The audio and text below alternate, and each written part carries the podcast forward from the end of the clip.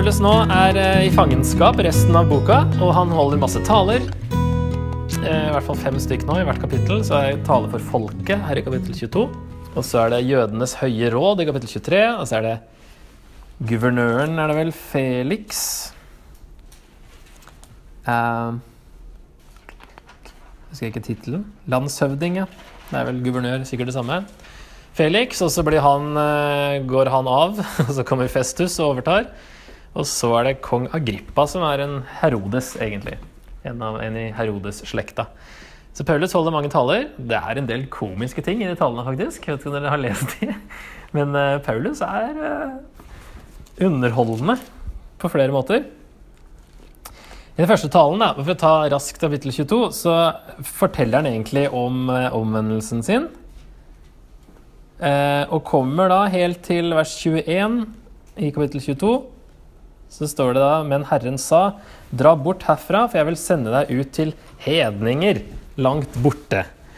Så langt hørte de på ham, men nå begynte de å rope, få ham bort fra jordens overflate, en slik mann bør ikke få leve. For han snakker om hedningene, at de skal liksom få evangeliet, eller få eh, At Gud vil ha noe med dem å gjøre, tydeligvis. Der var det nok. Og så eh, holder de på å skal piske ham, står det. Eh, altså, da befalte vers eh, Skal vi se Vers 24 Ok, ta vers 23, da. De skrek og veivet med kappene og kastet støv opp i luften. det er det liksom Oi, oi, oi! Kaste støv! I hvert fall så tar de helt av her, da. Da befalte kommandanten at han skulle føres inn i borgen, og at han skulle forhøres under pisking, så de kunne få vite grunnen til at de skrek slik mot ham. Det er ikke vits å liksom, kunne jo begynt å spørre uten å piske, kanskje, men her er det liksom rett på, da. For å få et raskt svar. Men da de spente ham fast for å piske ham, spurte Paulus offiseren som var til stede, har dere lov til å piske en romersk borger før han har fått en dom? Da offiseren hørte det, gikk han til kommandanten og sa, hva er det du finner på, denne mannen er jo romersk borger. Kommandanten gikk da selv til Paulus og sa, si meg, er du romersk borger? Ja, svarte han. Kommandanten sa det kostet meg mange penger å få den borgerretten. Jeg er født til min, svarte Paulus. De som skulle forhøre ham, trakk seg da raskt unna. Også kommandanten ble redd da han forsto at han hadde lagt en romersk borger i lenker. Det er samme i Filippi. Der er også, det er jo romersk koloni, som er enda mer romersk. Og der Paulus eh, spør om det samme. Har dere lov til det her? Jeg er, er romersk borger, vet dere det? Nei, oi, huff da. Og så er det liksom Ja, det er bare dra bort. Nei, kom hit og be om unnskyldning.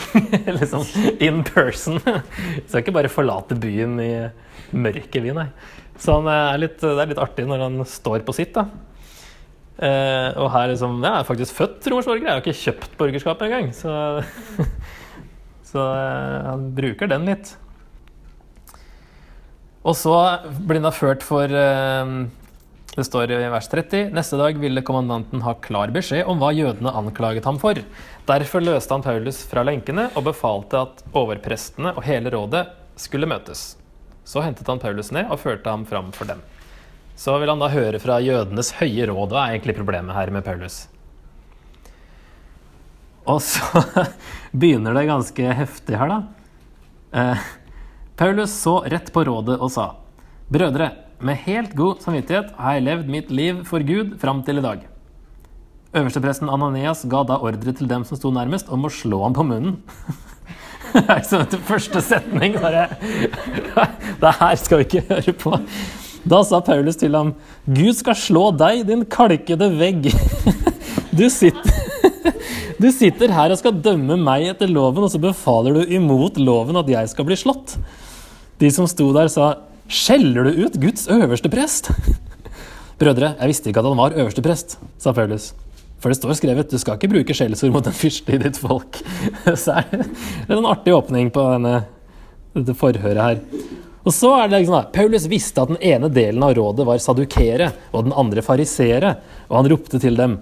Brødre, jeg er selv fariseer og sønn av fariseere, og jeg står anklaget for håpet om at de døde skal stå opp.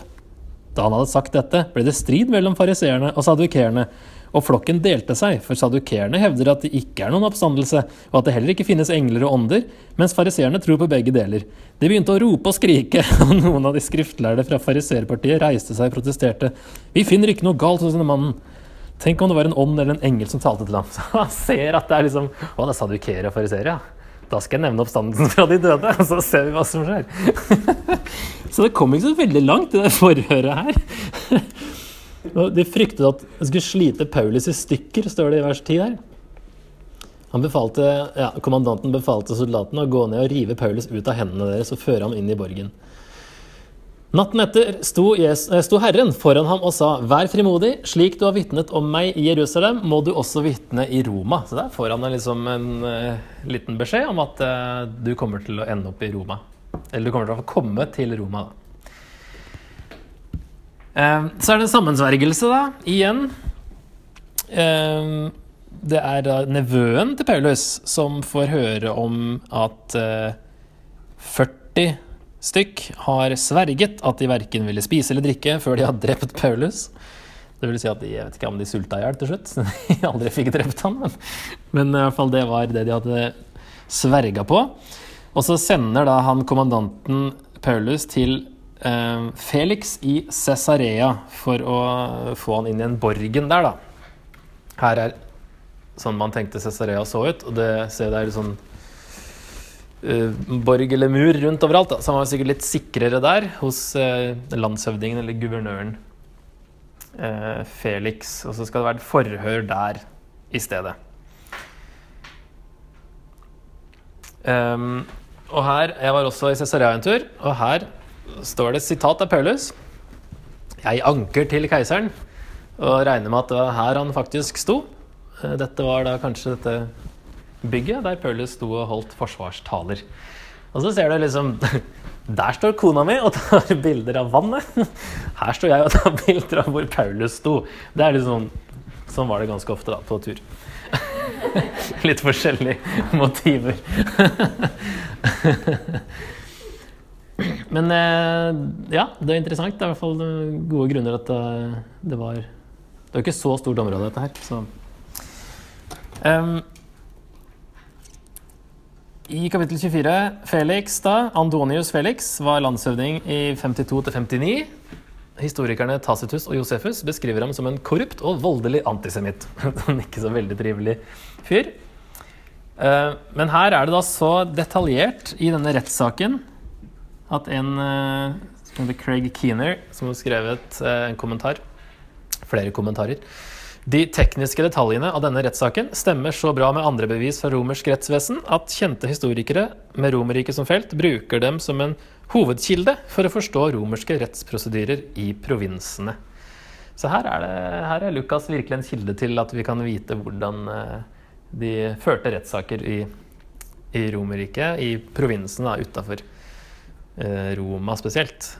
Nå er vi jo liksom helt i utkanten av Romerriket egentlig her. Selv om Paulus sier at det har jo ikke skjedd i en avkrok, sier han dette her evangeliet.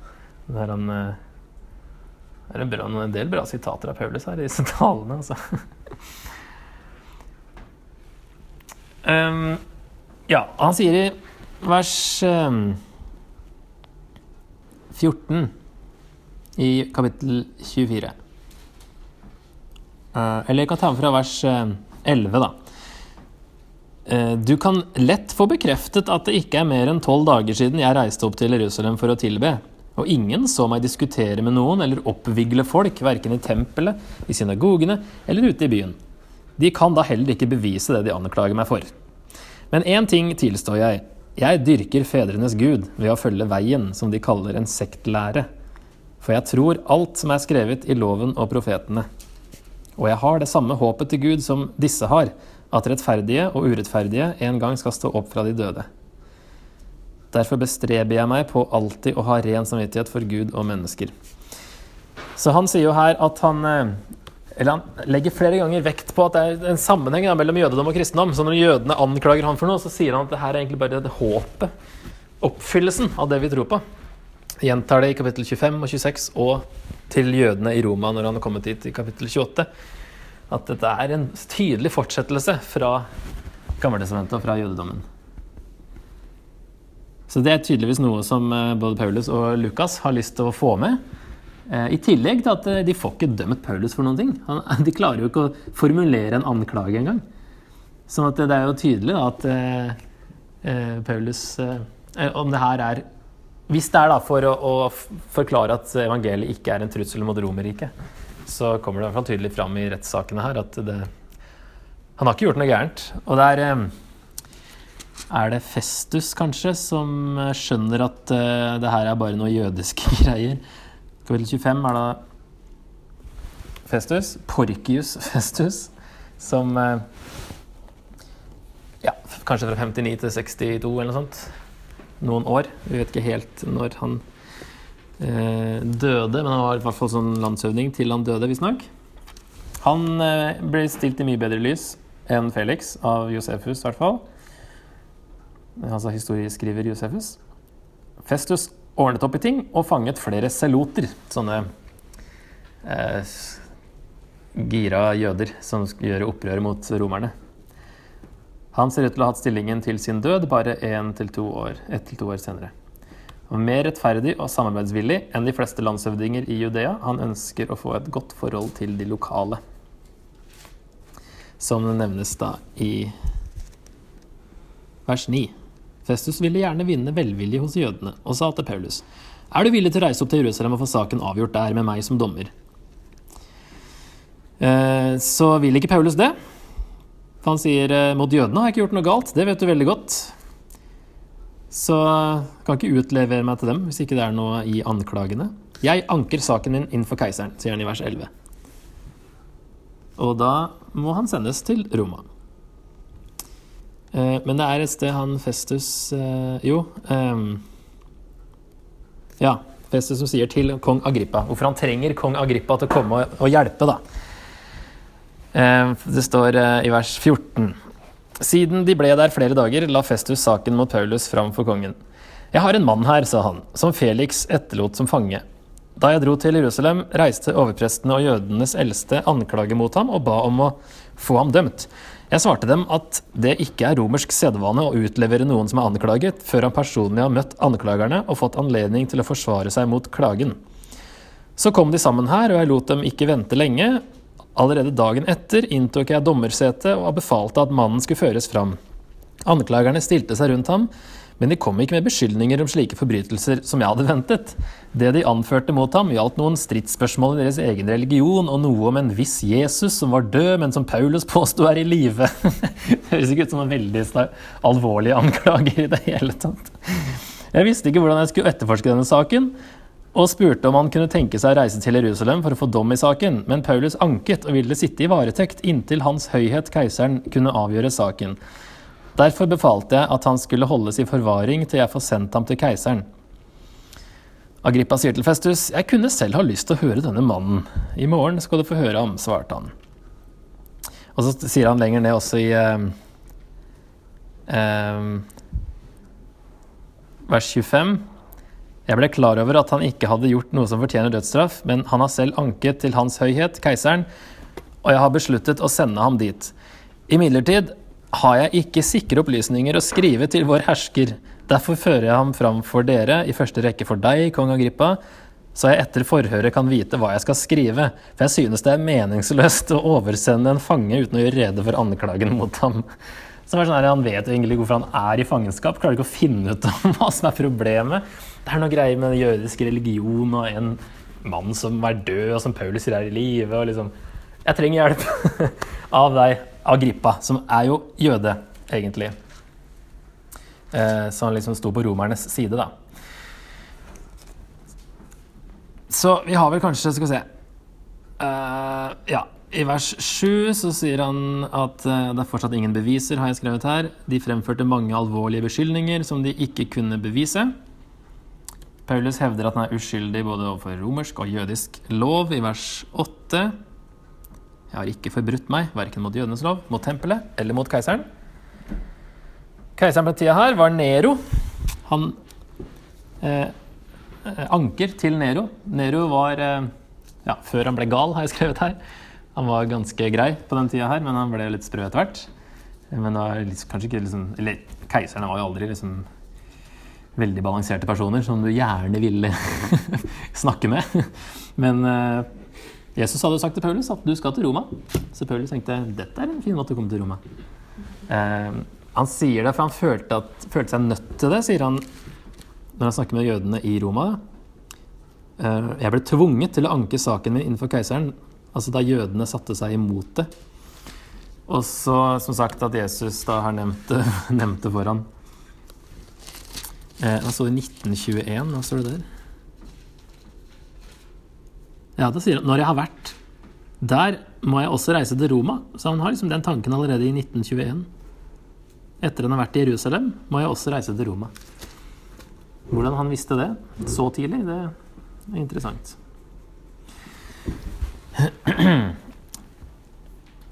Her skal vi se bilde av eh, Nero ca. år 60, som han kanskje så ut akkurat på denne tida. For de som syntes det var interessant. Og så denne oversikten med Herodesene som vi så på forrige gang, så er da den siste Herodes som nevnes her, da, er han Agrippa den andre, som var sønn av Agrippa den første. Som var han som drepte Jakob og fengsla Peter, altså Agrippa den første. Så Agrippa den andre, sønnen hans, var til stede med Paulus' rettssak i Apostelgjerninger 25. Um, så i hvert fall fire Herodeser som uh, finnes i Nytestamentet. Han, uh, Agrippa den andre, han uh, var, som det sto, konge av Judea, er det vel? 50 til 93. Var oppvokst i Roma under keiser Claudius, faktisk. En yndling av Claudius. Og han var i praksis jødenes konge, noe som Festus trolig så ham som. Så han, var da, han kjente til jødedommen, men var på romersk side, og var da en passende person for å finne ut hva den rettssaken her egentlig dreide seg om. Og det er jo litt ironisk at vi de ikke klarer å finne ut det engang. Og tydelig at eh, det her er ufarlige greier, har ingenting med politikk å gjøre. Um, og det slutter jo med at han blir fri, frisatt, jeg si. Frigjort. Satt fri. Fra fangenskapet. Vi trenger ikke å plotte den reisen til Roma, men den er den som beskrives i eh, kapittel 27 og 28. Der de da kommer en storm her etter eh, Kreta, og de krasjlander på Malta. Skjønner etter hvert at det er Malta de har havna på. Og så kommer de etter hvert opp til Roma. Der. Her er det også masse, masse detaljer som uh, egentlig har ingenting med evangeliet å gjøre, men som Lukas uh, tar med fordi han er historieskriver. Og her en annen sånn uh, nytestamentlig professor, Ben Witherington III, som har skrevet det. Og dette her i kapittel 27 er en A journey that point after point has been shown to be historically accurate, or at least plausible, even in detail by both ancient and modern experts on these sorts of sea accounts. Så her er det masse som har blitt Masse unødvendige detaljer har blitt bekrefta. Eh, at eh, det stemmer, faktisk. Hvilken vei vinden blåser på Kreta eller Kypros, eller noe sånt, det stemmer òg. Det er liksom Lukas tatt med her, da. At, uh, sånne ting. Og hvor dypt det er fra land her og der, og de måler ikke sant, og styrer. Så det er ikke noen legende, dette her. Dette er uh, historie. Og så kommer han til Roma. Da er vi liksom helt på slutten. Og så står det i vers 16. Da vi var kommet inn i Roma, fikk Paulus tillatelse til å bo privat sammen med den soldaten som hadde oppsyn med ham. Så han leier seg inn i et hus. Det er ikke noe fengsel han bor i, men han eh, bor ja, sammen med soldaten da, i et vanlig hus. Kan ta imot besøk, så han har disse, disse jødene de ledende menn blant jødene. Og han eh,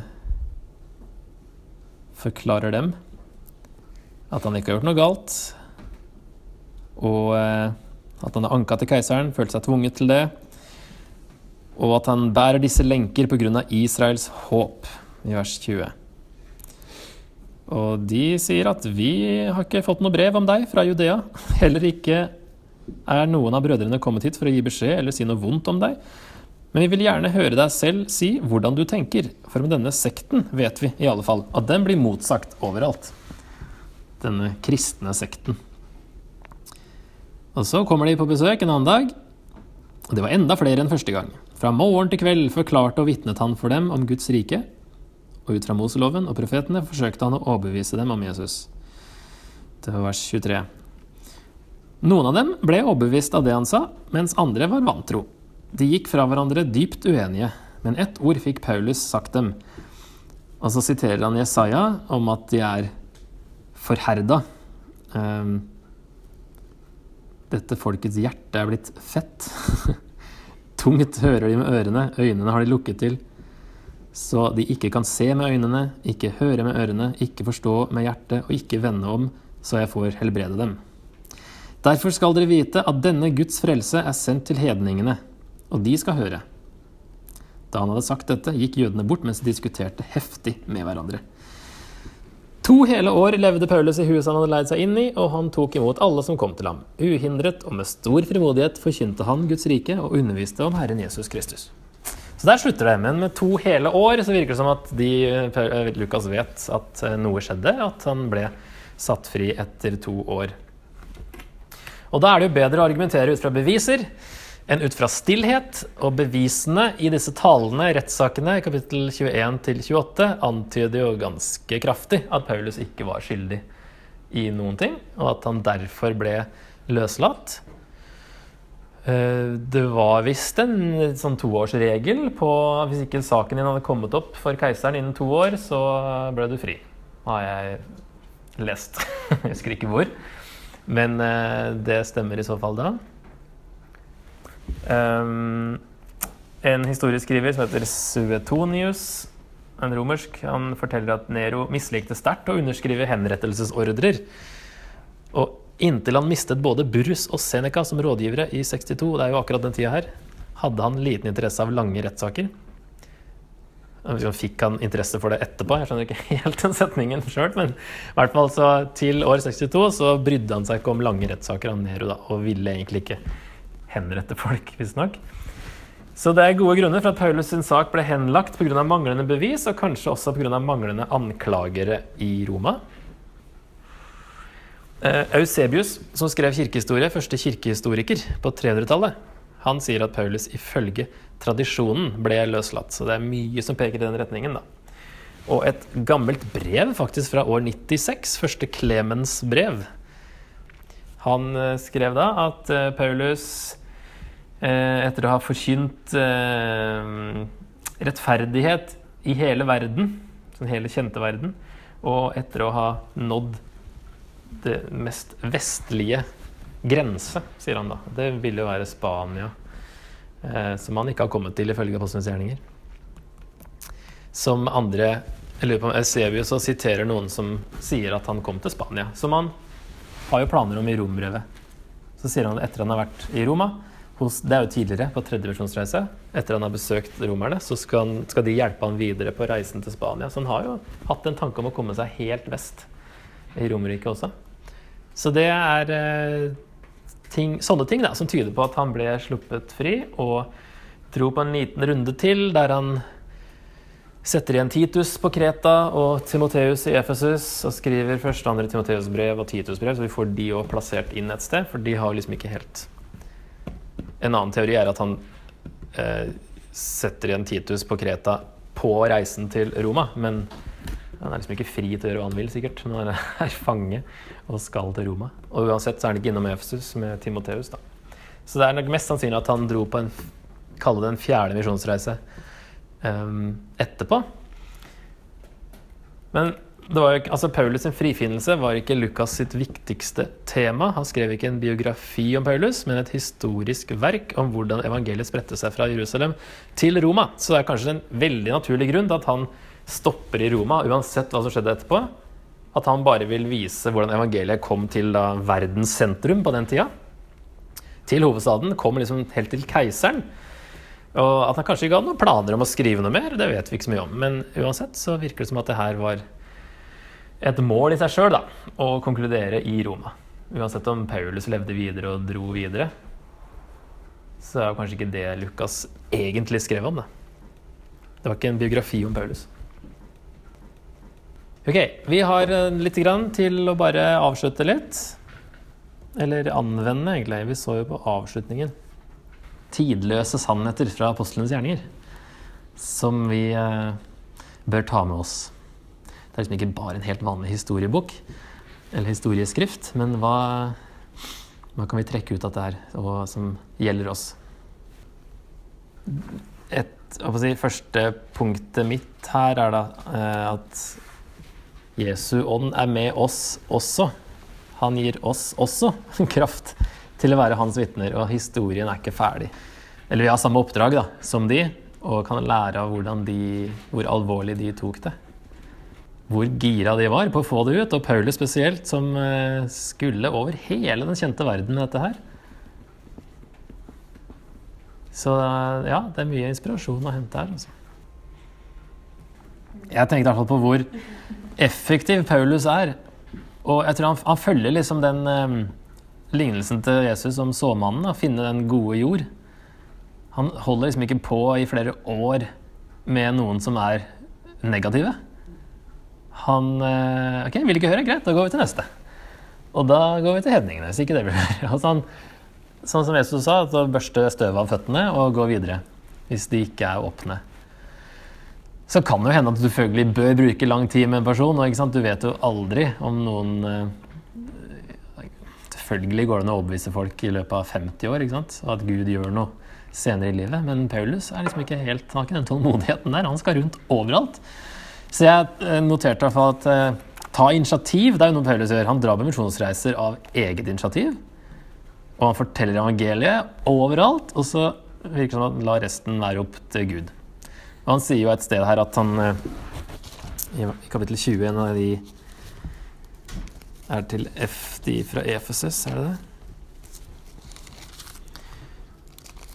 Avskjedstalen til de eldste fra Efesos, så sier han i 2026 um, jeg er uten skyld om noen forspiller sitt liv, for jeg har på ingen måte unnlatt å forkynne hele Guds plan og vilje. Så han, liksom, han har god samvittighet, og det sier han noe tidligere òg.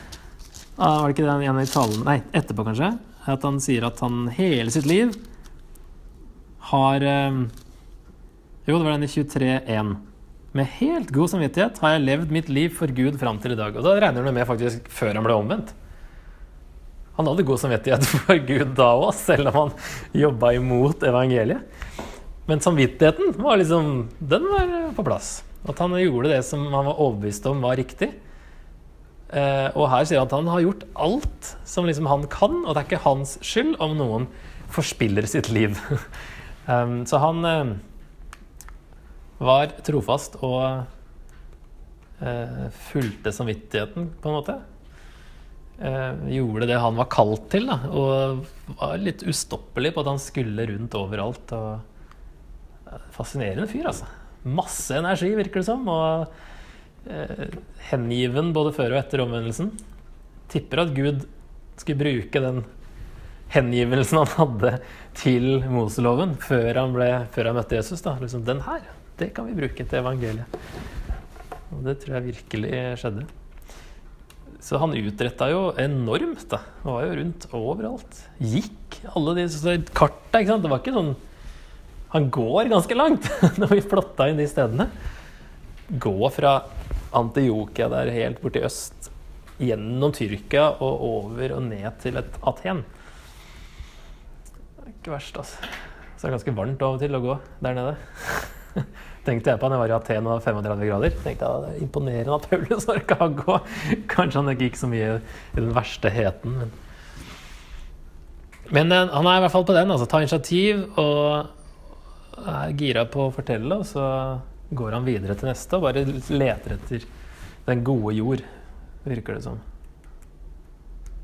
Det var egentlig to, to punkter, og så hadde jeg to spørsmål som kanskje krever litt mer. da. Uh, jeg vet ikke om vi klarer å finne på noen gode svar til det. Men hvis vi tar dette med Paulus i Aten og Lystra, med hvordan han snakker med hedningene, og han ender da opp med omvendelse og dom. Det er liksom hovedpunktet. I Lystra så ender han ikke opp med det, men han, er inne på det. Så vi får overføre det, da, hvis det er det viktigste for Paulus å snakke til hedningene om, hvordan kan vi snakke om omvendelse og dom på en god måte. Altså på en vet ikke, bra måte. En måte som kommuniserer. for å si, kalle de hedningene rundt oss. Vi er jo hedninger, vi òg. Men eh, med Paulus sin innfallsvinkel og det er, jo det, som, det jo det Paulus, eh, Jesus kaller Eller sier at eh, i begynnelsen av boka så sier han jo dere skal være mine vitner. Og eh, Eller i slutten av Lukas er det vel han sier at eh, de skal forkynne omvendelse, blant annet.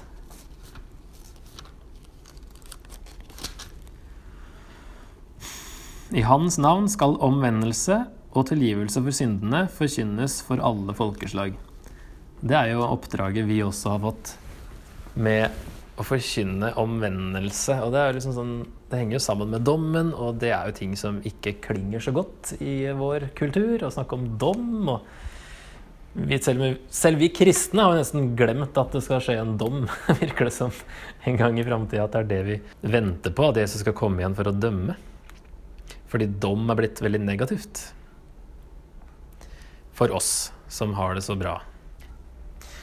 Et annet helt til slutt som jeg har her, det er jo også hvis disse apostlene de skulle være vitner om Jesu oppstandelse. Og det er de ganske flinke på.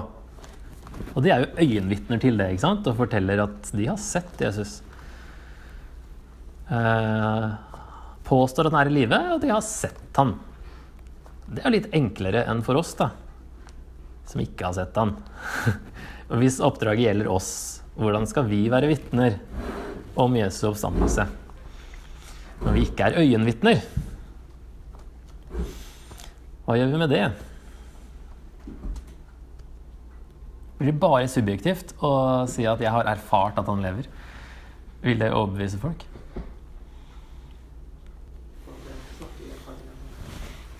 Sant. Men som du sier, jeg tror det er riktig det med at uh, som, sammen med andre argumenter. Og at vi kanskje er vitner med Vi bør være vitner med hvordan vi lever, da. Og at uh, forhåpentligvis så kan det bli synlig på en eller annen måte at Jesus lever i hvordan vi lever. For da vet du aldri hva Jesus, eller ja, Jesu ånd, hva Gud gjør gjennom oss. da, At vi kan være vitner på en annen måte eller mer sånn sammensatt måte enn at vi bare går ut og snakker om at vi har sett Jesus stå opp igjen. Og det betyr det og det og det og det.